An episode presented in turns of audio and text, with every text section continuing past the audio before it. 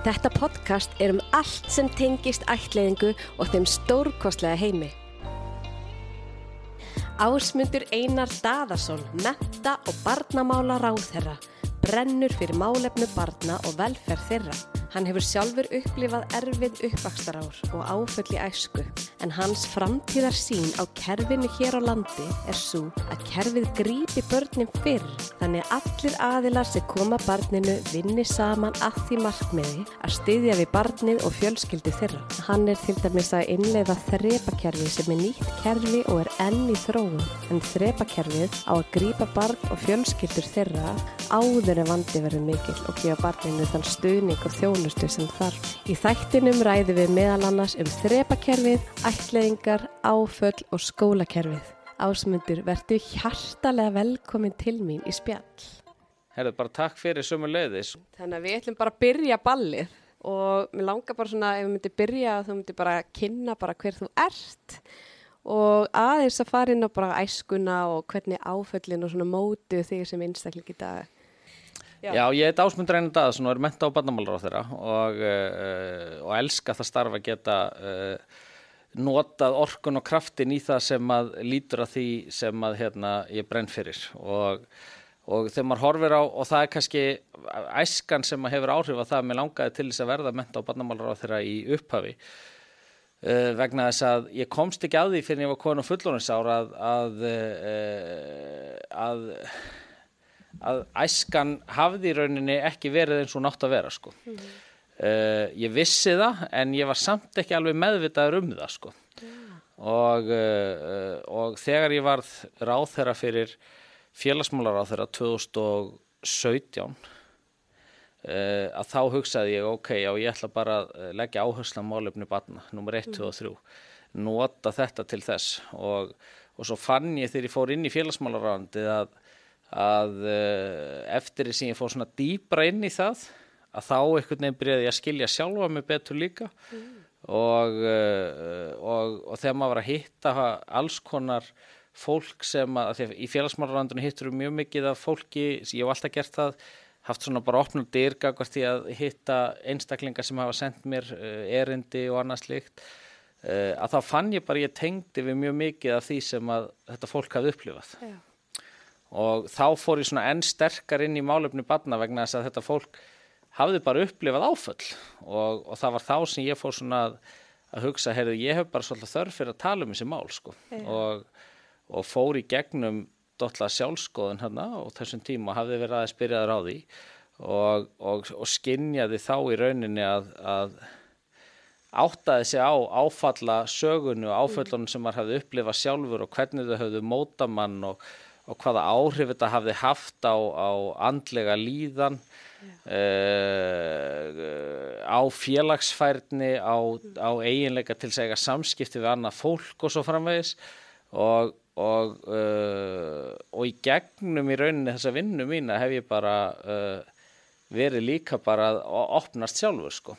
Og, og þá skinnja maður betur, ég hafði ekkit ég hafði ekkert verið að googla mikið áföll batna sko áður en ég var ráð þeirra heldur held ég, ég var bara í stjórnmálum og held að stjórnmálum snýrust um það að uh, byggja versmiðjur og vegi og, og svona allt þetta fysiska sko, Já. allt þetta þetta snýrust um steinsteipu og, og, og atvinnu og svo þetta væri svona þessi karlægu mhm. innan gæsalappa gildi og og, og svo þegar ég fór inn í félagsmálarándi þá fann ég bara, herru þetta er það sem ég vil elda sko. Og, og í gegnum það hefur maður verið að skilja sína sögu betur, taka samtal við sína nánustu, bæði eiginkonu mína en líka móðu mína og, og uh, sískinni mm -hmm. og í rauninni skilja betur ástæðuna fyrir því að maður er eins og maður er.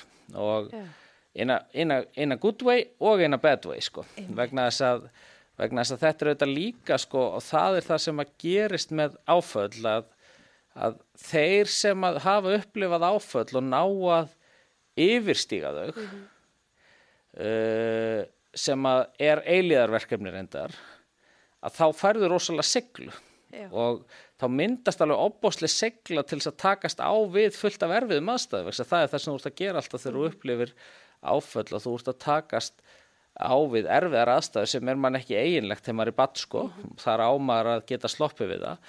Uh, og, uh, og þetta fór að kveikja áhugan á mér á því bara, heyrðu, hvernig, hvernig getum við byggt upp kerfið okkar?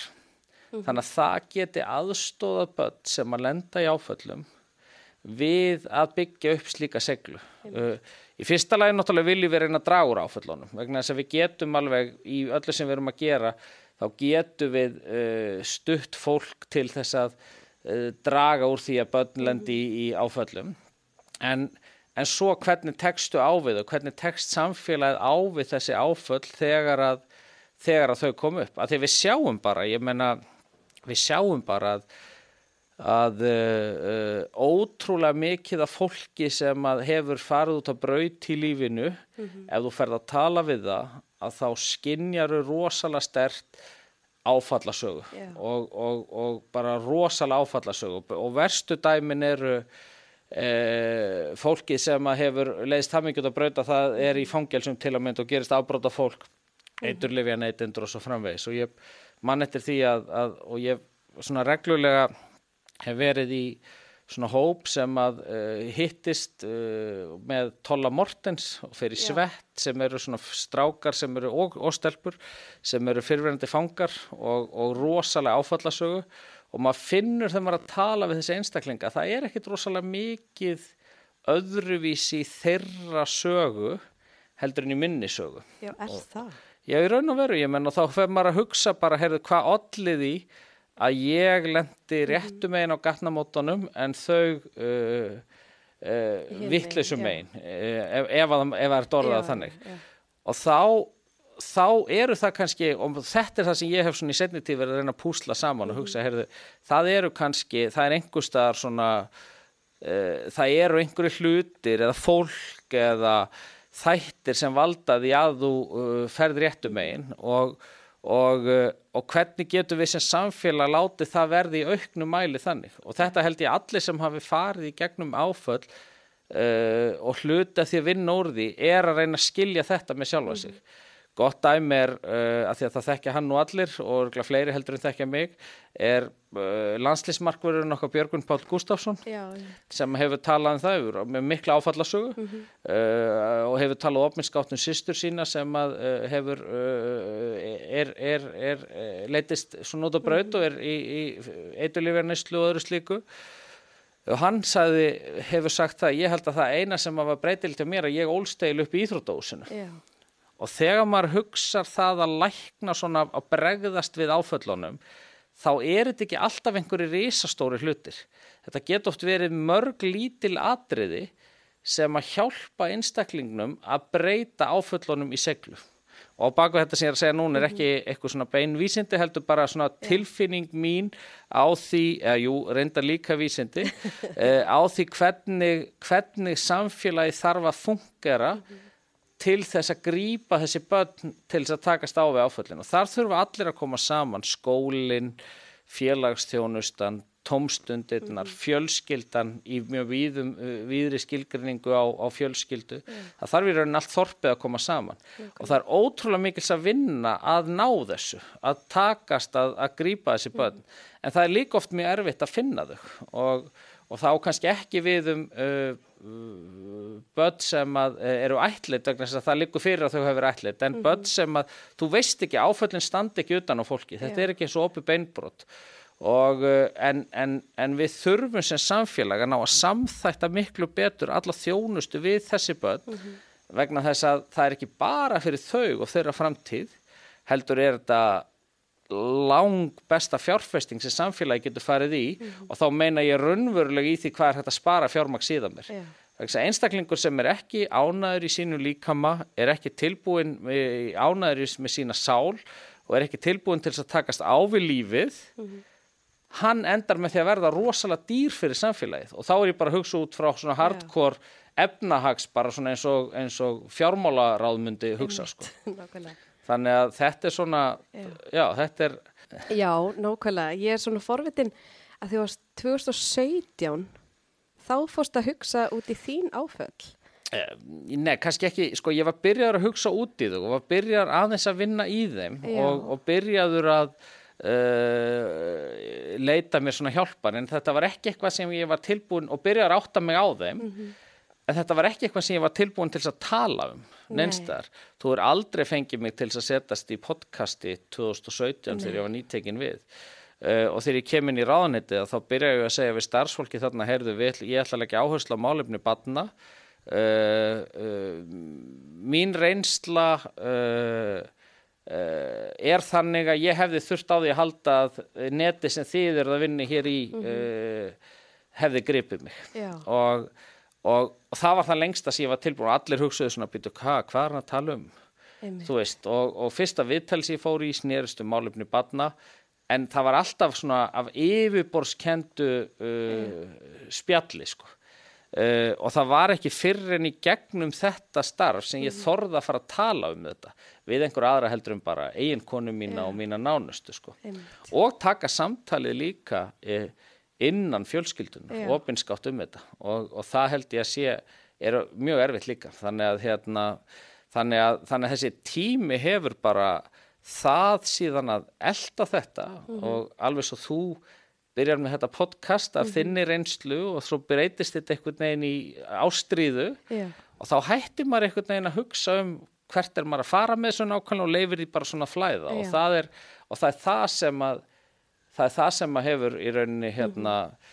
gerst frá 2017 þess vegna hafa þessi síðustu sex ár í, í, í lífi mínu verið bara frábær og það er ótrúlega forréttindi dag frá degi að fá að, að vinna þessu. Og, Já, ekki, líka heilandi fyrir þig. Jú, bara mjög og, og hérna ég menna þú veist, mér finnst bara mjög gefandi að vinna þessu málum mm -hmm. og, mhm. Og, og hérna uh, og núna umræður um skólakerfið og hvernig það þurfa að grípa fleiri uh, einstaklinga, hvað þurfa að breytast þar, með hvaða hætti þurfi skólinn að ná, við erum með skólakerfi fyrir alla en við þurfum einhvern veginn að við þurfum að ná fleiri aðilum í samtal og samvinnu inn í skólunum.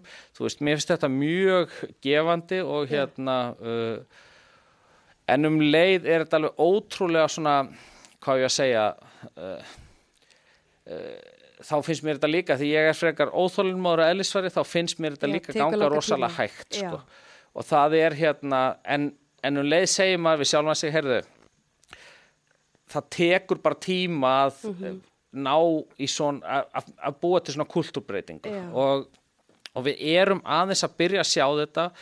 Við erum að sjá núna þessa nýju lögjöf sem að samþygt var uh, og tók gildi fyrir uh, einu og hálf ári síðan uh, Er það með hann að þrepaskipta? Já, það er um farsælt barna Já, það er bara eitt og hálft ár síðan Það er bara eitt og hálft ár síðan tók uh, gildi lögin okay. og og sem að krefja í rauninni alla aðila sem vinnað málefnum batna mm -hmm. í viðkomandi samfélagi yeah. uh, til þess að vinna saman þvert á kerfi. Alveg sama hvort að viðkomandi er, er ríki, sveitarfélag, mm -hmm. skóli, félagsþjónusta, íþróttir og æskulísmál eða, eða uh, skóli. Þannig að þegar eitthvað kemur upp að þá -hmm. verða allir aðilar að, að vinna saman að uh, laust fyrir viðkupandi barn mm -hmm. af því að það sem gerist og, og nú eru við í innleðingarfasa í þessu, það eru fjögur sveitafélug sem hafa svona verið að riðja brautina okay. og, og það er að fjölga núna sveitafélugum inn í, inn í, inn í þessu uh, inn í innleðingunni uh, við erum að fá núna heilbriðiskerfi meirina krafti og löggjæslumálin mm -hmm. meirina krafti vegna þess að uh, hvað að rattir allra við borði skipta máli mm. í því og, er, og að þetta snýri raunin að því að, að þegar þú kemur að uh, þegar að barn þarnast aðstóðar uh, að þá eru þá eru oft allir með einhver ákveðin skilgrind hlutverk þegar það kemur upp að barni þarnast mm -hmm. Aðstóðar Lörglinn hefur skilgrind hlutverk heilbríðiskerfi hefur skilgrind hlutverk en mm. við erum skólinn en við erum um leið að segja, heyrðu, taliði saman um barnið yeah. þó að án þess að gefa afslátt af ykkar hlutverkum í þröngum skilgrinningi þess, mm -hmm. þess orðs og það er það sem við erum að fá að sjá til að sjá gerast núna að, að það er að byrja samtala á milli aðelina til þess að leysa málinn fyrr lækka þröskuldin, stíga inn og svo erum við að taka núna samhliða þessar innleðingu þá erum við að uh, skrifa nýja löggjöfum hvaða þjónustu þurfum við að koma inn í skólakerfið, uh, nýja skólaþjónustu löggjöf. Það er að hvað þarf skólinn síðan af tækjum og tólum? Því að það ætla að grípa börnin fyrr þýðir að við förum náttúrulega inn í skólan og gerum það, aðstofum börnin í skólanum með ólíkum hætti. Yeah. Steipum þau ekki öll í sama bóks, heldur segjum, heyrðu, við þurfum að nálgast hvert og eitt barn og þeirra fórsendum. Mm -hmm en þá ertu með kennara sem að uh, hvernig óskupunum á kennari sem að hérna Uh, er með uh, nokkra tugi barna á sinni könnu mm -hmm. uh, og hefur gengið í gegnum kennarnám að ná einhvern veginn að hafa sérþekkingu á ólíkum þörfum þessara barna hvernig á einhver sem hefur farið í gegnum kennslu að, að þekkja það hvernig á að takast á við börn sem að hafa upplifað þau áföll sem að tengjast ætliðingum mm -hmm. eða eru að upplifa uh, einhverja þætti sem tengjast ætliðingunni á, á úlingsárum eða þegar að þau fara að mhm. velta fyrir sér sínum uppbruna og, og alls, konar, alls konar að gerast. Mm -hmm. Á sama tíma og kennarinn þarf að vita nákvæmlega hvernig hann á að takast á við börn sem eru með Uh, einhverfu, ADHD mm -hmm. með áfallasögun svo mína og svo allt mögulegt annað yeah og það leiðin til þess að ná þessu er að það sé meira samtal við aðra, aðra aðila mm -hmm. inn í skólanum að það sé það við brjótum niður múra skólakerfisins yfir í önnu kerfi og það er það sem farsaldalögin gera og þegar skólaþjónustilögin munur styðja við það erum við í raun að búa til svona manngangin uh, inn í skólanum í því og á sama tíma erum við að skoða sérstaklega uh, sem við ætlum okkur núna næsta árið að leggja áherslu á nokkra hópa barna sem við ætlum að endur skoða all úrræði fyrir. Ok, og, hvernig þá? Já, það er, uh, og við erum að leggja áherslu kannski á, á, á, á svona, uh, uh, það eru svona, það eru er nokkur hópar sem við erum að leggja sérstaklega áherslu á. Mm -hmm. Það er í fyrsta lagi eru það uh, börn sem eru með svona fjölþættan vanda sem eru oft með mhm. miklar, mm -hmm. þessi börn sem er að fara inn í klettabæ og, og þessi Já. þingri úrræði sem eru uh, úrræði svo bugglir ekki að duga og svo mhm. framvegis uh, við erum að endurskoða þau algjörlega í samstarfi við sveitafélagin hvernig við þurfum að stíga inn mhm. í þjónustu við þau börn börn af erlendum uppruna eh, hvaða þjónustu þurfum að veita þeim þegar þau koma hinga til land Svona flótta börn og svo leys Já og bara já. líka börn með pólskan bakgrunn og já, þú veist já. við erum að sjá að þau taka ekki með sama þætti þátt í íþrótum og tómstundum og, og, okay. og, og þessum þáttum uh, mm. síðan er það börn með uh, fallanir mm -hmm. uh, og svo, svo er það börn með, sem hafa upplifað áföll og Uh, og hvernig þarf samfélagið að grípa þau börn mm -hmm. á mhm. grunni farsaldarlagana hvaða úrræði þurfa að vera til staðar uh, hvað uh, og það er einmitt, hún leiðir þá vinnu hún Brynja Dan semst yeah. með áfallahópin og, og við reiknum með miklu afli í það næsta, næsta vetur og þá að spyrja sig hvaða úrræði þurfa, hvaða skilgreindu áföll eiga mm -hmm. að hafa þau áhrif að í farsaldar uh, löggjöfinni þá færum við mál upp á annar stig sjálfkrafa. Ok, maður er rétti pönd. Já, hendilega. Þetta, ég er bara svona, þetta er akkura punktur sem ég ætlaði að nefna við þig að veist, bara börn sem að koma til hansi sem eru ætlit, bara mm. það að vita það að badd sé ætlit eða fóstubadd, jafnvel, að þá ætti það bara að vera sjálfkrafa upp á annar stig að því við vitum að þau eru með tengslaröskun eða rofa á tengslum, þau eru með nokkur áföll á bakinu, mm. allavega þrjú sem við vitum um, sem er bara taka lífmóður eða taka frá lífmóður, vera batnaheimili eða fóstufjölskyldu mm. og vera svo ætlit. Það eru þessi þrjú stóru áföll. Þannig að þú veist. Og svo áföll sem veist kannski já, ekki. Já, og svo vitum við ekki sko. hvað gerist þessi 2, 3, 4, 5 ár sem börnin hafa verið hana. Þannig að þú veist, það sem að fóreldrar ætleitra batna hafa verið svolítið að svona tala um svona bakvið luktar dyr, svona tala sína milli, það er bara þetta burnout og þessi mm. streyta sem að fóreldra upplifa að berjast til að fá skilning og berjast til að fá þjónustu að ef að það væri bara strax upp á annar stig, um leið og batningum til landsins, mm -hmm. þá myndi spara bara helling bara streitu, pening og allt bara. Og það er í rauninni sko var alltaf, alltaf þegar við samþyktum farsaldarlögin og þess vegna var ég að segja að það er svo pyrrandi hvað þetta tekur langan tíma. Já, ég veit það. En, en það sem í rauninni uh, þessi börn og þessar fjölskyldur þurfa, mm -hmm. þau þurfa þjónustu frá fleirin einu kerfi. Já. Til þess að grípa áföll þessara barna og aðstóða fóreldrarna og það sama við um uh, börn af erlendum uppruna mm -hmm. eða alla hinn á hóparna sem ég nefndi. Mm -hmm. Þannig að grunnurinn að því að geta gert þetta var svo að við byggjum til kerfi sem talaði saman. Já. Sem að farsaldalögin eiga að gera og með innleðingu þeirra að þá munu við held ég sko brjóta blað í því að kerfin tali saman mm -hmm. og, og þannig að við erum að sjá mikinn áhuga erlendis frá á þessari hugsun Já. vegna þess að e, sílóin sem er á milli skóla og, og annar aðila hér á landi eru bara þau sömu allstar erlendis. Og þegar við erum búin að brjóta niður þessa múra og búin, byrjuð að láta þetta virka þá einmitt þurfum við að fara að skoða einstaka hópabatna og hvar eiga þau að koma inn. Uh, hvort, börn sem að uh, eru ætlið til að mynda og önnur áföll hvaða önnur áföll eiga að valda því að við sjálfkrafa tryggerum ný farsældarlög upp á annað og jafnvel upp á þriðjastig ef það eru ábáslega át, áföll sko. Já. þú veist, vegna þess að vegna þess að stundum þarf að grípa og til þess að útskýra þessu hlustendu þá byggir hérna, það eru öll börn á fyrsta stíi sem eru bara að fá almenna þjónustu í skóla uh, bara, þú veist, þetta sem bara börnin fá þeir ekki damar að hugsun er síðan svo að þegar að það eru einhverjar áskoranir tímabundnar eða varanlegar að þá fari mál barnsins upp á annað stig og það gerir það að verkum að þá sé kallaðu til málastjóri uh, uh, í viku umhverju barnsins og allir aðilar kallaði til. Og þegar við segjum allir aðilar þá er það fjölskyldana sjálfsögðu það er skólinn, það er félagsþjónustan það eru tómstundirnar, íþróttalífið. Uh, ef að máli verður síðan mjög alvarlegt og þarnast enn frekari inngripa Uh, þá fer málið upp á þriðjastig og þá erum við að tala um svona sérhæfð þung inngrip sem að ég held að í fæstum stigum í málefnum ætleitrabarna þurfi það, kannski nema þá bara mjög takmarkaðan tíma.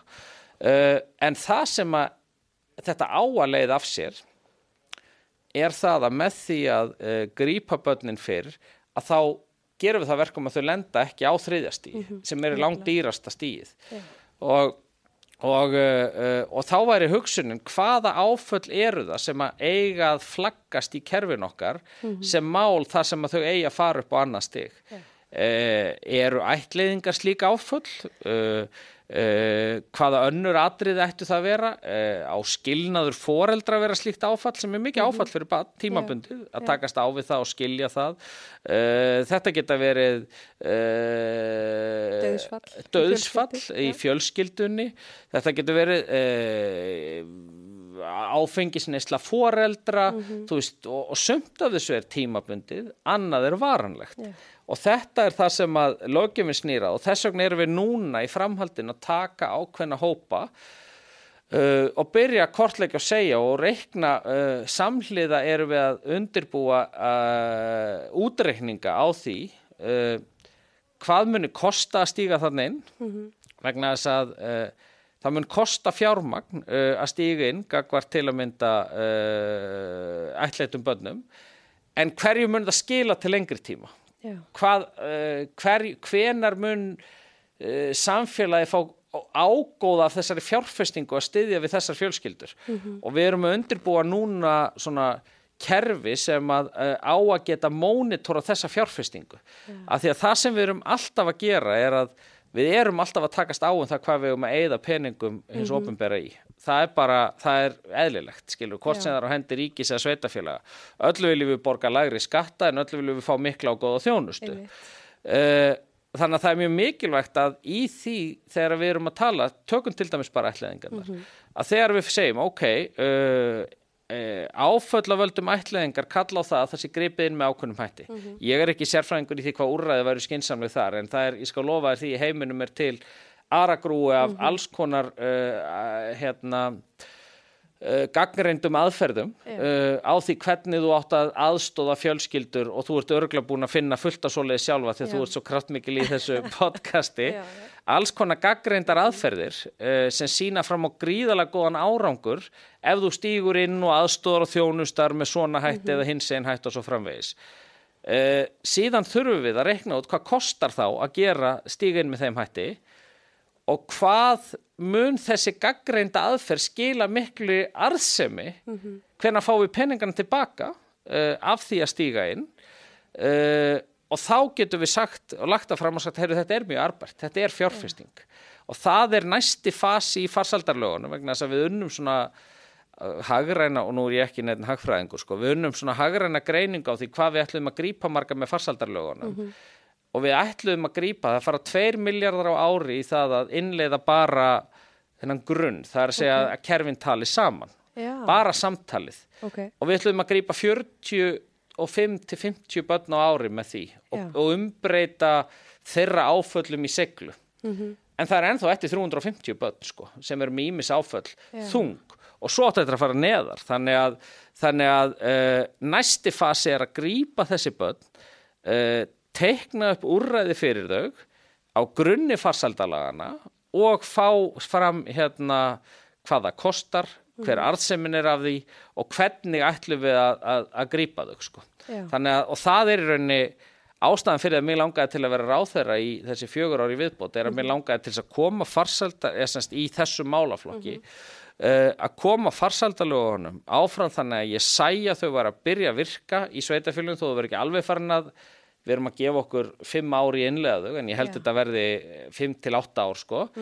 Og fara að taka einstaka hópa og láta það virka úrræðin fyrir þá, þá hópa. Já. af því þá held ég að við náum að búa þetta system til. Þá munum við fara að hugsa öðruvís um það hvernig við fjárfestum í mm börnunum okkar. Vegna þess að fjárfestingin sem að þarf fyrir börn hún snýr ekki alltaf að því að það þurfa að myndli fara peningin og reikning fóreldrana Nei. Og það er nefnilega svolítil blekking í því þegar við segjum eina leiðin til að bæta stöðu barna og barnafjölskyldna á Íslandi er að, er að hækka barnabætur eða annað slíkt. Auðvitað hafa tekjur áhrif á uh, ákveðna hópa og þú verður að hafa húsnæð og þú verður að hafa grunninn og svo framvegis en fjárfestingin snýri því að fjárfesta raunverulega í börnunum. Það er að segja uh, í að byggja þau upp andlega, byggja þau upp líkamlega, þannig að þessu tilbúin til að takast á við, uh, á við sitt. Að ég er ekki vissum til dæmis ef þú myndir millifæra fleiri, meiri pening á foreldra ætleitra barna að það myndi vinna í þessum áföllum sem þau hafa glimt við. Við þurfum að búa til stóðkerfi til þess að hjálpa þeim að verða öflugir einstaklingar og já. það er, það er þessi dýnamík sem að er er líka alveg áskorun vegna þess að, að, að það sem var svo gott við það þegar maður var pólitíku sem að hugsaði bara um brýr og, og vegi að það er svo miklu auðveldar að rekna það út Já, sko. mannskeppnan er svo miklu flóknari í öllum útreikningum. þannig að, þannig að þetta er það sem ég bara brenn fyrir og ég elska, ég elska þessa, þessa vinnu og að, að ná þessu, ég er svo sannfærður um að það tekst að búa til þennan grunn uh, og hann fari að byrja að virka og úrræðin komi inn í það uh, að þá munum við þá munum við uh, fara að, að sjá ótrúlegar breytingar. En uh, þ- þær verða auðvitað ekki fyrir en að hérna, mm barnið þitt til að mynda það þjónust að það tveggja ára þryggja ára og fjagra ára þú ferð ekki raunverulega að sjá árangurinn af því sem stjórnvald auðvitað sérðu það einhvern svona smærri skala Já, já. fyrr en að viðkomandi komin okkar aldur Já, það er þá fullorðinn, sem að skilur það er þá þetta er langtíma fjárfestingin Mhm. í uh, æsku landsins sko, börnunum og, og, og öllu þessu sko. Er það þá ekki tala, er, það- eru þá að tala um bara að barni sé að, eða fullorðni einstaklingur sé að borga skatt eða er það að sé ekki í hérna í einhverju neyslu eða fangelsi bæði, eða eitthvað svo leist, það er bara bæði sem að ég menna það er ótrúleg það er ótrúleg arðsemi fólkin í því að taka eitt sem að lendir í eitulifjarneyslu og fangelsi Mhm. og ef þú hefðir náð að grípa eitt svoleiðis í dag sem var á leiðinni þangað Já. og ná að snúa honum í að verða bara skattgreiðandi eftir Einmitt. 30 ár já, það er bara, skiluru Mhm. þú veist, það borgar eiginlega þjónustu við svona þúsund börn sko. Já, nákvæmlega. þetta, þetta er þetta er fjárfesting í fólki sko. En er þetta ekki óslega gefið? Mér finnst bara svo sjálfsagt að þetta sé, þú veist, að muni skila pening. jú, jú, þetta er mjög gefið en fjár allt kerfið hjá öllu sem við gerum það hugsar ekki svona vegna þess að að, að, að, að uh, við erum alltaf að útdeila fjármagnir til ákveðina verkefna uh, hvort sem það eru ríkið að sveitarfélög og erum alltaf að takast á um það en við erum aldrei að mónitora þetta nákvæmlega svona vegna þess að ef að það er að því að síðan þurfum við líka með þetta tölfræðilegan árangur. Og, og að því að það er alveg fullt af hlutum sem við erum að gera sem við segjum að sé gefið Já. en við verðum að sína fram á það í Já, sko, með svona, já, með gögnum Já. og öðru slíku. Þannig að, þannig að það sem að hérna uh, uh, það sem að uh, er að kerfið okkar það hugsar ekki alveg svona ennþá sko. Já. þú veist, það er, vegna, ef það hugsaði svona að þá væri bara eyrnamert ákveði fjármagn. Og nú er ég alveg að tala um ríkið eins og sveitafélum, ég er bara að tala um við sem samfélag. Já, eða skóli eða félagsþjónusta. Ef að kerfið hugsaði svona þá myndi það eyrnamerki ákveðna fjármuni til barna sem upplifa til að mynda ákveðin áföll til þess að takast á við þau að því við vissum að við værum að fjárfest í barninu til þess að gera það. Nákvæmlega. og þá væri við, þá væri orðið gefið. Já, skilur Einmitt, þú veist. en, en, en svo líka verður maður að segja um leið sko, að, að, að, því að, að því að stundum þegar maður er að tala um þessi mál og þá, þá hljómar sem maður sé að tala um að breyta vondu landi í frábært land. Og það er auðvitað margt mjög gott á Íslandi sko. og það er margt, það er auðvitað mjög gott í öllum samanburði. Er óbáslega gott að vera barn á Íslandi. Og okkur er að takast, við erum með frábært fólk sem er að vinna allstar í kerfunum okkar sem í grunninn maður finnur að brennur fyrir hvort sem það eru kennararnir í skólanum eða skólastjórnendurnir eða fólkið í íþróttalífinu eða fólkið sem að vinnur í heilbriðskerfinu og allir það, það, það, það er margt mjög gott á Íslandi og, og í alþjóðlegum samanburði erum við þetta í, í Bara bara efstu í heimi. oft sko en, en, en þá samt að vera þannig að, að, að, að, við höfum ekki að þú veist, við, við getum gert svo miklu miklu betur Það er alltaf hægt að gera betur. Já, við getum gert miklu betur í Já. því að, og það er að aukast svo þekkingin líka á því Mhm. hvað áföll snemm á lífsleðinni hvað þau valda og það er bara ný þekking. Þetta er ekkert, ég menna fyrir þe- þegar ég var bad þá var þetta ekki svona Það var var ekki til þekking áfall nema Nei, það var bara hérna, þú veist, Já. ég menna ég, ég skil miklu betur núna hluta því sem ég hef verið að fara í gegnum eftir að ég fór, kom hérna inn og, og fór að svona stúdera þessa hópalla af því að, að ég er nú ekki fræðumar á þessu svið og ég er mjög duglur að segja, ég er engi sérfræðingur í þessu sko, að hérna að, að þá uh, skilum maður miklu betur til að mynda áfallasögu móður minnar og akkur, akkur þau áfall komast svo áfram á næstu kynnslóð og, og yfir á mig. Ég menna uh, búandi hún í sínu tilfelli búandi litlu samfélag á landi uh, þar sem að uh, voru erfiðar heimilis aðstæður uh, móður hennar glýmdi við mjög slæma geðveiki. Uh, á tímum þar sem að var bara almennt ekki talað um það. Já, þú veist, það, það, það er uh, síðan á hún badnung og svo kemur áfengist, skilur það er Já. ég, ég hugsa stundu bara vá hvernig komst hún í gegnum lífið, sko.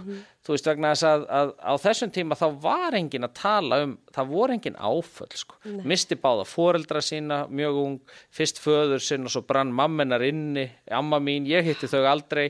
Þú veist, og, og, og, og, sögurnar að þið verið að segja frá því hvernig þetta var tilkynnt og allt þetta þetta er bara, þetta myndi ekki verða gert svona í dag.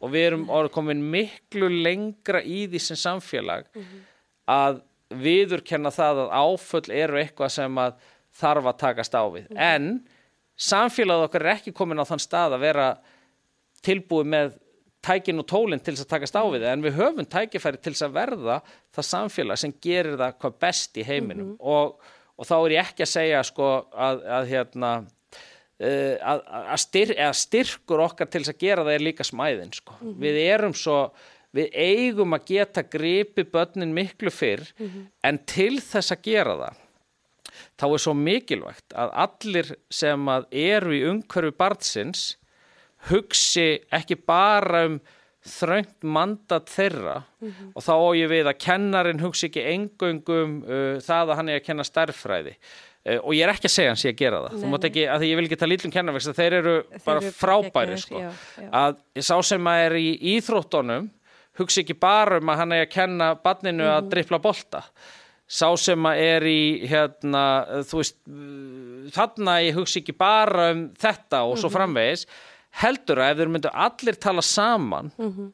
og leggja í púkið Já. þá myndu þeir öruglega geta gert kraftaverk fyrir þetta barn og, og ég heldur áttir sig ekki alltaf á því hvað það er lítið sem þarf til þess að ná að grípa það. Vegna þess að það er það ótrúlega í þessu að áföllin eru orðin en það að ná að umbreyta þeim í þessa seglu sem þarf til þess að komast í gegnum þetta líf sem að er alltaf brekkur og, og þetta er svo slönguspilið. Maður er tröppur og slöngur og, og svo kemst einhvern veginn aldrei í marka þegar það er alltaf slanga á síðustu sjö reytónum Nákvæmlega. þú veist, þetta er, svona er lífið Það sko. er svona, og hérna, uh, ef þeir myndu vita þeir getu, ef það væri ef þeir getu talað meira saman þá myndu þeir losa um Mhm. ótrúlega orku. Og ég sé þetta í sveitafélagum núna sem við erum að heimsækja sem er að komast á Mhm. stað og er að byrja að taka þingstu málin Hvaða sveitafjölu eru það? Já, þau sem eru svona leiðandi sveitafélög eru Akureyri, Akranes, uh, Árborg og Vestmanneir. En svo eru sveitafélög eins og Reykjavík og Hafnarfjörður og fleiri sem að hafa verið, að, uh, verið mjög kraftmikil í þessu. En við höfum tekið þessi fjögur svona og, og verið að halda sérstaklega utan um þau. Og til að mynda bara í Vestmanni, þar sem ég fór ekkit langt síðan, uh, ég heimsótti þau, uh, ég verið að heimsækja sveitafélag og hitt alla þessa fagaðila. Að þar sögður okkur fréttari því að þeir voru byrjað að loka barnavendamálum vegna þess að þeir leysa þau Já. með samtali skóla, félagstjónustu, allra aðila og þá sem maður, ok, þarna ertu byrjaður að stíga miklu fyrr inn og hvað getur fært þröskuldin neðarlega Nákvæmlega. Ég meina og það er svolítið það sem að uh, eins, og, eins og ég skil af uh, það sem þið, þú hefur verið að tala um í þínu uh, podcasti er getur þú fært þröskuldin neðar eins og með þessi ætlitu börn? Þannig að þú farir að vinna í þessum áföllum þegar þau koma til þess að þau brjótist síðan ekki út í einhverju þingri hlutum síðar meir. Nákvæmlega. að að við höfum líka uh, uh, sögur af, af, af, af börni sem hafa verið ætlit hérna og hafa verið ekki náð að grípa. Og þú veist og, og þá er það ofbóðslegt áfall að vinna, vinna úr. Þannig að, þannig að það að en, en allt byggir þetta á því að allir þessir aðilar tali saman. Að því ef ég myndi spurja þig ok, hvaða aðili er það sem getur hjálpað þér til þess að grípa barnið varðandi áfallið Þá myndi ég segja bara ég sjálf. Já, fjölskyldan. Já, en hvaða, hvaða styrk þyrftir hún að fá? Þú veist, Sko, það eru, all, það eru ólíkir aðilar, sko. Það er Það er ekki bara þyrfti- kennarin, sko. Nei, það þyrfti alla sem koma í kringu batni Allir. og það þyrfti hennar skilning og bara að heyra söguna og skilja bakgrunnin. Mm. Veist, bara þeir sem að lendi í einhverju skilju, það þarf bara, já, ok, nú skil ég. Og þá skilur maður af hverju batni hegða sér eins og það hegða sér eða, Og þá veistu að þú þarft að hegða þér aðeins öðruvísi á Já. móti og allt þetta, sko. Og þá þarf líka, og það var það sem ég var að segja áðan með uh, þessa skólaþjónustulögi sem við erum að skrifa Mhm.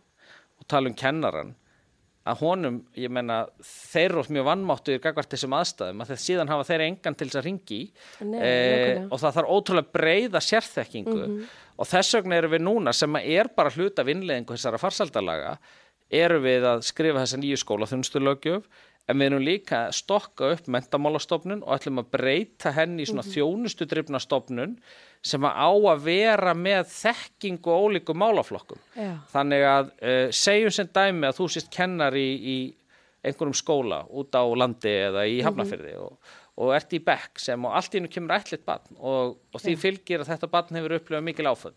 Mhm. hvert, hvað á kennarinn að gera hvern á hann að tala við hvern Já. á hann að ringi hvar á sérþekkingin að vera hver á að þjónustan hver á að Mhm. senda honum efnið til þess að skilja börn í svona Já. stöðu veist, og, og það er þessi skóla þjónusta Einmitt. sem á að brúa þetta þá er náttúrulega íslenska ætling já, sem að hefur verið helsta svona uh, bara stopnunni sem við leitum Einmitt. til og við leitum til fólk sem hefur ætlitt að því maður er svona eins og þetta er svona völundarhús að finna Já. leiðir og finna lausnir og finna fag aðila líka sem að skilja þennan bakgrunn að því að svo eru svo margir sálfræðingar og svo leiðis sem að bara skilja ekki endilega þú veist þennan bakgrunn, þannig að maður vill fá svona sérþekkinguna já, já, í ætlitu ætlita heiminum, ætlingar heiminum skilju, en þú veist, já ég held að flestir skólar hafa þá leita til íslenska ætlingar og þau hafa þá ráðulagt einmitt en það ætti náttúrulega að vera meiri svona hvað maður segja, svona almennu skilningur eða svo les, en þetta er náttúrulega svo lítið samfélag, ætlingarsamfélagi Já. þetta er lítill heimur. Þannig að það er svona, já, ég held að já, íslensk ætling sé svona helsta sem að fólk leita sér það einmitt. til, sko. Einmitt, og það þurft að valdefla þau. Það þarf að valdefla þau Mm. mikið og það er einmitt bara sorglega hvað að vera að berja íslenska ætlingu niður svona í kerfinu en það er eitthvað samtal sem við mega bakvið. já, og það er samtal í gangi á milli, vegna þess að ætliðingin hefur verið hjá dósmálaráðundinu já, og það er samtal í gangi á milli ráðanettana um þau mál já, eftir fundi að- með já, þannig að, og það er efni alveg heilt held ég. Það er annað einmitt efni í eitthvað Já. svo leiðis en þetta er náttúrulega þú veist rosalega dýrmætt samfélag. Þó að sé lítið að ætlaðingum þá er náttúrulega svo mikil þjónusta sem þarf. Mm, og einmitt er svo talar um líka fyrir uppkomna og þeir sem eru að leita og þetta er svo flóknar og erfiða tilfinningar. Já, já. og breytilar aðstæður Já. hvernig það gengur og, mm nefnilega. Og þjónustofi foreldra þegar þú ferði gegnum það sko. Já, nákvæmlega. Og þjónustan og ekki ímynda sér það bara ég, Já, ég ætla að mitt að nefna einn punkt svona að þú veist, þegar maður fer að skoða svona fólk sem að eignast sitt líffræðilega barn, þá er rosalega mikil þjónustæði fóreldrana. Það fær svona eitthvað eftirlit og þunglindi skimun og eitthvað. En þegar við komum með okkar ætleita barn sem er alveg stálpað og í, í, í trama og áfalli, bara as we speak, þegar komum inn í landið og þá bara eigum við að vera venjuleg fjölskylda og það er ekkert. Það er ekkert skoða barni nema bara eitthvað líkamlegt einu sinni og ekki skima eftir hjá fóreldrum og það er sko 40% uh, algengar að fá ætlingaþunglindi heldur en fæðingaþunglindi og ég held að lang flestir hafa upplifað eitthvað, eitthvað skona þannig svona erfiðleika. Þetta er ekki smá mikil pakki sem að fóreldrarna gangi í gegnum og það vantar líka þennan stuðning. Já, já, svona, þetta er svona ákalli frá fóreldrum bara stuðning við fóreldra og fjölskyldur já. og fá fræðslu og fyrir barnið og skilningur og stuðningur bara í leikskóla og grunnskóla og allt þetta. og er, það, þetta er undir í þessari vinnu núna um Já. áföllin sko, en, en að því að það er líka þannig að, að þó, þó ég tala um þjónustu við börnin sko, að þá er í 90% tilfika er þjónustan við börnin er það að þjónusta já. fóreldrarna sko. Já, það er, ég menna ef þú, stiður við fóreldrana í Mhm. sínu hlutverki að þá, þá nærðu börnunum sko. nefnilega, það því að bara, þeir ná besti barnanir sinna líka. já, bara klárlega Já, sko. ef þú valdeflir fóreldrana þá Já. það er hérna, ég menna það erum við að taka núna bara svona í stórumyndinni er, Mhm. erum við núna, við erum að undirbúa erum í samstarfið Háskóla Íslands núna og erum að undirbúa foreldrafærni námskeið uh, sem að uh, ætlum að byrja með leik og grunn ákveðin, aldurs í leik og grunnskóla Mhm. og erum að fara í samstarfið uh, nokkra slíka og bara fara að byggja upp innviðina til þess að það sé hluti af skólakerfinu að, að, að, að grípa og þjónusta foreldrana og, og þá mun á þeim grunni Mhm. Þá ferðu líka að fara út í svona, heyrðu, hvað þarf að þjónusta með, sko, hvenar er að koma upp áskoranir, Einmitt. þú veist, já, ok, það eru hérna ætleitbönn, Mhm. uh, þá þarf aðeins meira, skilur það, það fæðist engin, það fæðist engin fullkomi foreldri og hvað Nei. þá, hvað þá, hérna, við ætlaðing ekki síður, Einmitt. sko, þú tekur við tráma sem þú veist ekki hvað er og sagan og allt þetta, sko. Nákvæmlega. Þannig að ég geti ímyndað mér frustrasjónuna sem fer í gegnum huga foreldra þegar að þau að takast á við ýmsar þessar áskorunni sko. Já, nákvæmlega. En mér finnst alveg geggja að sé verið að koma svona fóreldranámskeið. Af því að þú veist, þegar við erum að ætliða börnin okkar, þá fyrir við á svona miljónnámskeið og erum bara stimplu sem sérfræðingar og fullkomni fóreldrar Mm. hérna og búin að læra alls konar. Já, já. En þeir sem að bara fæða börni hennan heim, það er er ekkert. Það er engin þetta. Já, en svo kann engin að vera fóreldri. og svo bara færður eitthvað... hund og þá þarf það að fara námskeið Já, pældu hvað það er galið.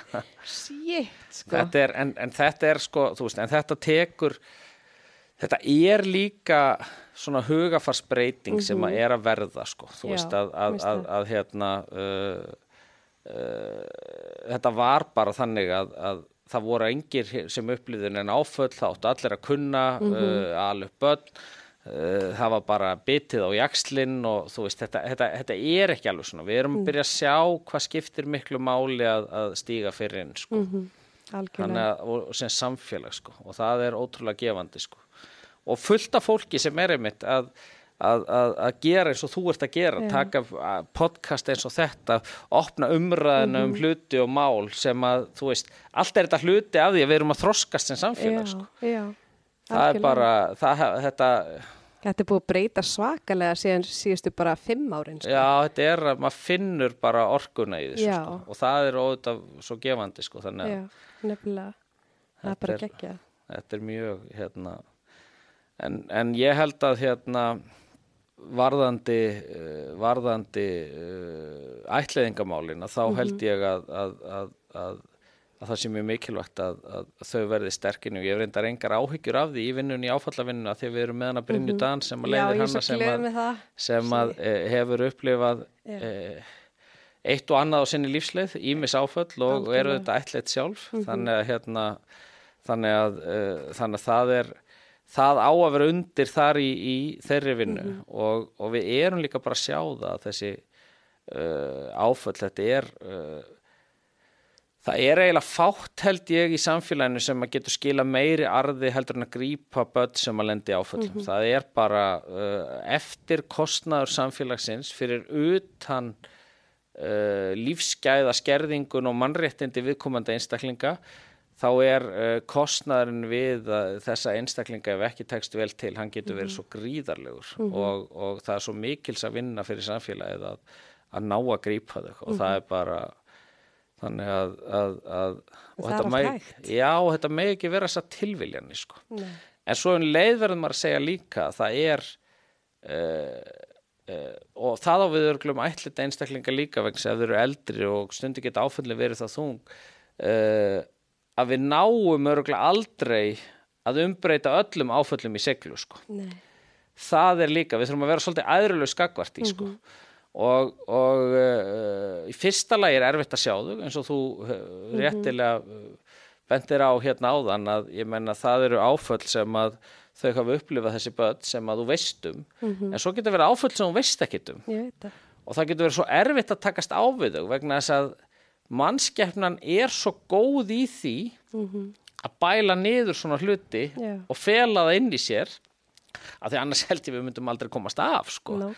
Þú veist þannig að, að svo springur þetta einhvern veginn út í mhm. einhverjum hlutum síðar meir og þú bara veist ekkit af því þannig að, að, að það þannig að við þurfum líka að vera uh, og ég hef alltaf til verið mjög hérna þegar alltaf segja við verðum bara að hjálpa öllum börnum og grípa þau öll við munum ekki geta gert það sko. Mm. Það er alveg saman en getum við náð betri árangur, já við getum sko margfaldað mm. árangurinn okkar í því hvernig við erum að ná að grípa þau og hvar og til þess þurfum við að hugsa svolítið svona öðruvíð sem við erum að gera og hugsa yeah. þetta svolítið þannig að, að mögulega hefur bara, þú veist, uh, mögulega hefur bara þessi við hliðin á mér sem með alltaf aðra þekkingu uh, mm. og það sittur enginn enda við hlýna mér, þetta er bara svona sjónrænt það verður mjög skeri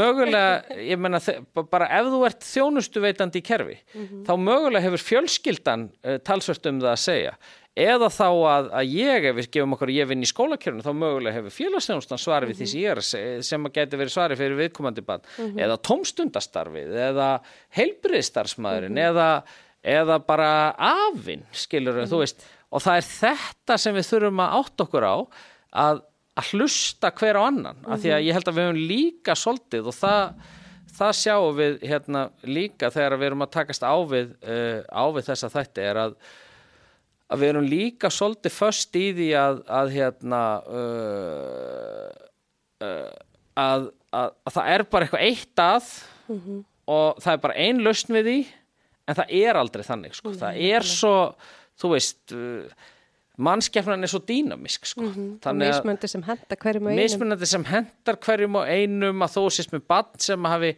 skilgreint upplifa sama áfall þá getur mhm. verið eitt hendu öðrum en ekki annað og, er, og eina leðin til að búa þessa dýnamíkt er, er að það sé samtala á milli aðilana en um leið sé einhver svona yfirlit yfir árangurinn af því.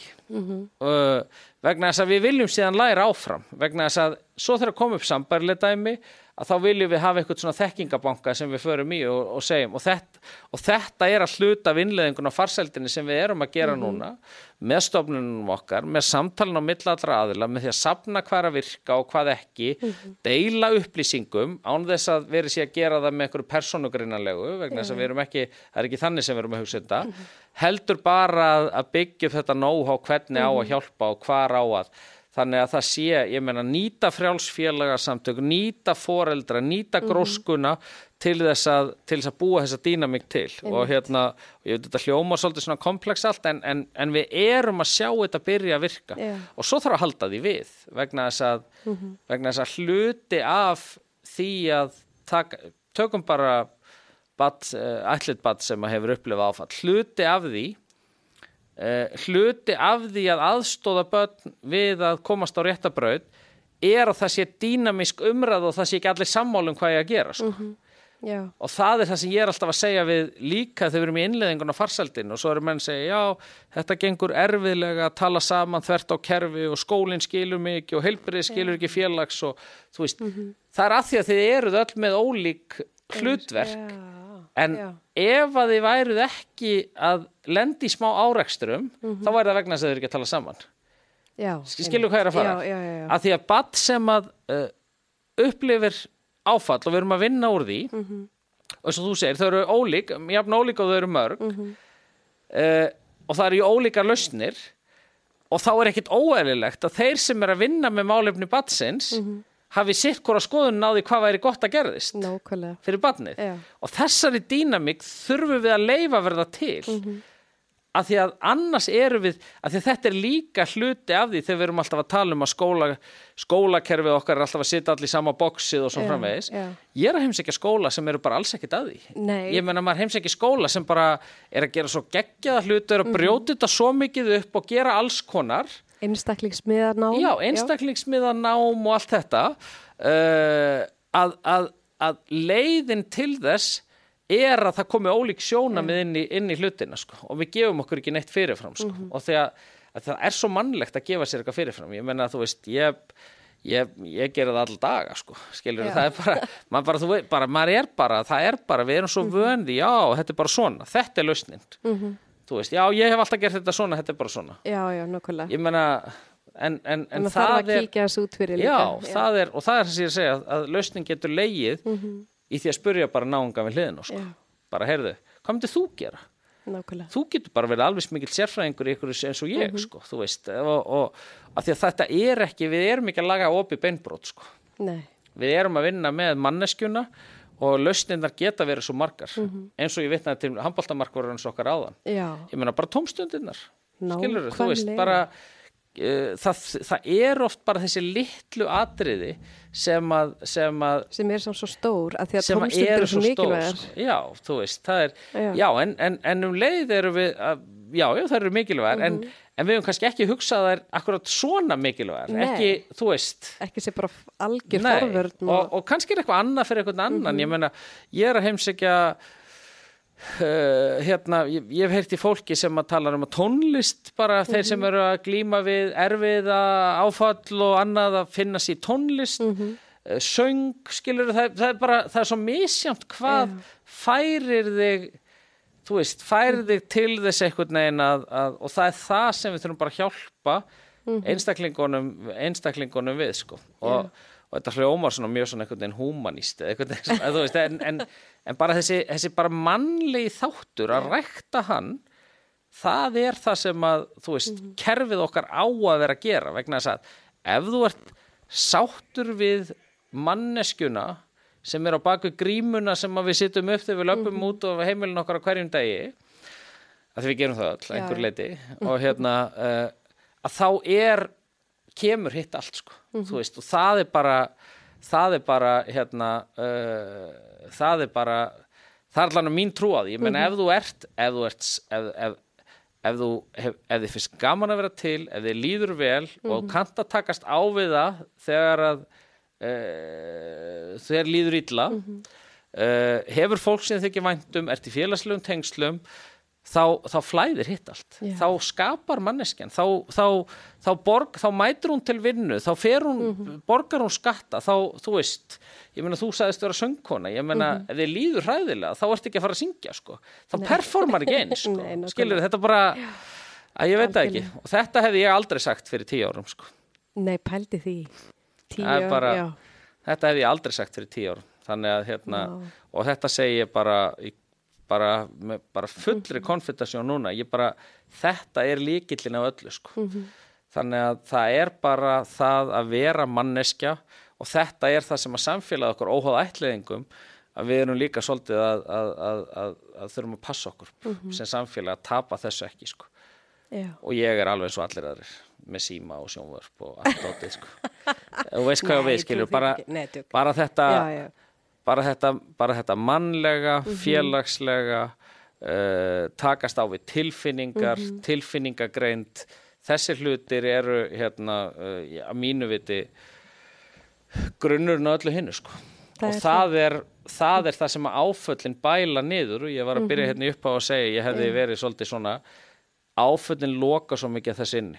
Þess að þú byrgir svo mikið sko. þú Mhm. veist, þú ert svo þú ert ekki vanur að geta talað um Mhm. hluti sem að er svo mikilvægt að tala um og ég held að þetta ég, ég vil enn meira við um stráka heldur en stelpur og, og það er það er uh, þessi áfalla og það er það sem við þurfum að brjóta niður vegna þess að það finna það, það er að finna, það er nú ekki kannski fyndið en það, það, hérna, það sem mér fannst uh, mest gaman við það þegar að ég fór uh, í viðtal um, um mín mál sem að hérna, svona mína æsku og sögu það var bara ótrúlega fólk sem hafði samband. Já. bara, þú veist, venjulegt fólk uh, fólk út á götu þjóðþektir Íslendingar uh, fullorðni kallar sem að þjóðþektir fullorðni menn í samfélaginu sem þú heldur að séu algjöru naglar og ég myndi, ef ég myndi segja nöfnin á þeim að þá myndir að segja ha, Já. bara ringja og segja já, mér langaði bara að segja þér að ég hef upplifað svona og sýsti mín var svona og þetta var svona hjá mér og þú veist, vegna þetta er allstað sko. Þetta er alls það er engin fjölskylda sem ekki er svona Mhm. og það að geta opnað umræðin um þessi mál að það skiptir máli Mhm. og að stíga fyrr inn og grípa þessi börn fyrr þannig að þau séu tilbúin til þess að verða svona advokatar þess að, að, að, að eða séu tilbúin til þess Mhm. að verða svona opnari heldur en ég og þú vorum og heldur en að foreldrar okkar og ömmur og Mhm. afar voru sko. og, þa og þarna finnst mér samfélag hafa tekið stórs, Mhm. stórum breytingum það er bara, þú veist á síðustu árum og áratugum það er bara Það hefði enginn verið að tala um þessi mál með þessum hætti. Þú er aldrei fyrir 15 árum setið með stjórnmálamann að ræða um þessi mál. En núna held ég að þú getið tekið hvaða stjórnmálamann sem væri og þeir voru allir tilbúin til þess að tala um þetta að, því að, að því að styrkleikin samfélagsins felst í því bara að fólk þóri bara einhvern veginn að vera það sjálft og átti sig á því að, að við erum öll að glíma við alls konar shit alla daga sko. Nákvæmlega. bara, Það er bara líka því svo mikilvægt að speikla sig í öðrum og um leiðum maður opna fyrir eitthvað og eins og segir að fá svo svona komment frá öðrum þá er maður bara svona, vá ég er ekki einn og maður Já, líður alveg vel með það að vera ekki einn. og það er örgulega svipað með uh, börn sem hafa verið ætlit og foreldra sem er að uh, badna sem að uh, ætlitra badna og þetta samfélag Já. það er að geta speglað sig og, veist, og það er örgulega það sem að þeir sem er að hlusta á þetta podcast fá rosalega Mhm. mikið út úr að hlusta á þig tala um þessi mál og ræða Já. þau veist, allt er þetta speglun, Mhm. ég meina uh, það er núna frábært úrræði sem að uh, er verið að hérna keira í samstarfi við uh, geðdildina, heitir Okkar heimur ungar kraftmiklar konur sem að hérna eru að keira það áfram. Og, og, og það fælur það í sér að það eru samtala á millir allra fjölskyldumeðlima þegar að uh, sjúkdómur kemur upp, mm andlegir sjúkdómar. Uh, samtala á milli batna í svipari stöðu. Þú veist, allt þetta er hluti af því sem ég var að segja áðan er þetta félagslega og, og bara átta sig á því einmitt eins og þú segir að það er engin einn sko. Það er, það, ég skal bara lofa þér það er alveg sama hvað og bara tala til hlustandi hérna, það er alveg sama hvaða rugl þú ert að díla við í hausnum á þér á vondudögunum þínum Já. að það eru öruglega uh, að lámarki svona þrýr til fjóri sem þú hittir á hverjum degi sem er að díla við það sama en tala ekki um það Nefnilega. það er það er málið sko og ef við myndum opna þessa umræðu Já. meira og sem þú ert að gera og bara enn meira að þá held ég að þá held ég að ótrúlega mikið af þessu myndi bara læknast að sjálfur Já. sig sko Já. það er, vegna að bara samtalið er svo mikils virði sko Það er rosalega dýrmætt. já, þetta er Vá, mér svo geggja. Ég veit ekki hvað vilt. erum við fallin á tíma eða Við erum allavega búin að vera klukkutíma. já, er þetta ekki bara þræl gott Ég er bara svo ógeðslega glöð að hafa fengið í podcasti til mín og ég vil bara segja bara þúsund þakkir. Það er rosalega dýrmætt fyrir þennan heim. herðu bara takk fyrir sömu leiðis og bara hvet alla þá sem að hlusta og eru tilbúin að leggja inn í þessa vinnu vegna þess að þú veist ég bara að, að, að ekki hika við að bara hafa samband og, og koma með hugmyndir og þú veist og, og hjálpa til við hjálpa til við að breyta hlutunum sko. Og bara Nákvæmlega. hrósa þér líka fyrir að, að setja þetta podcast á stað. Þetta er, þetta er örgulega að hjálpa mörgum sko. Já, takk fyrir það. það er bara þannig Yay. Og takk fyrir að koma. takk fyrir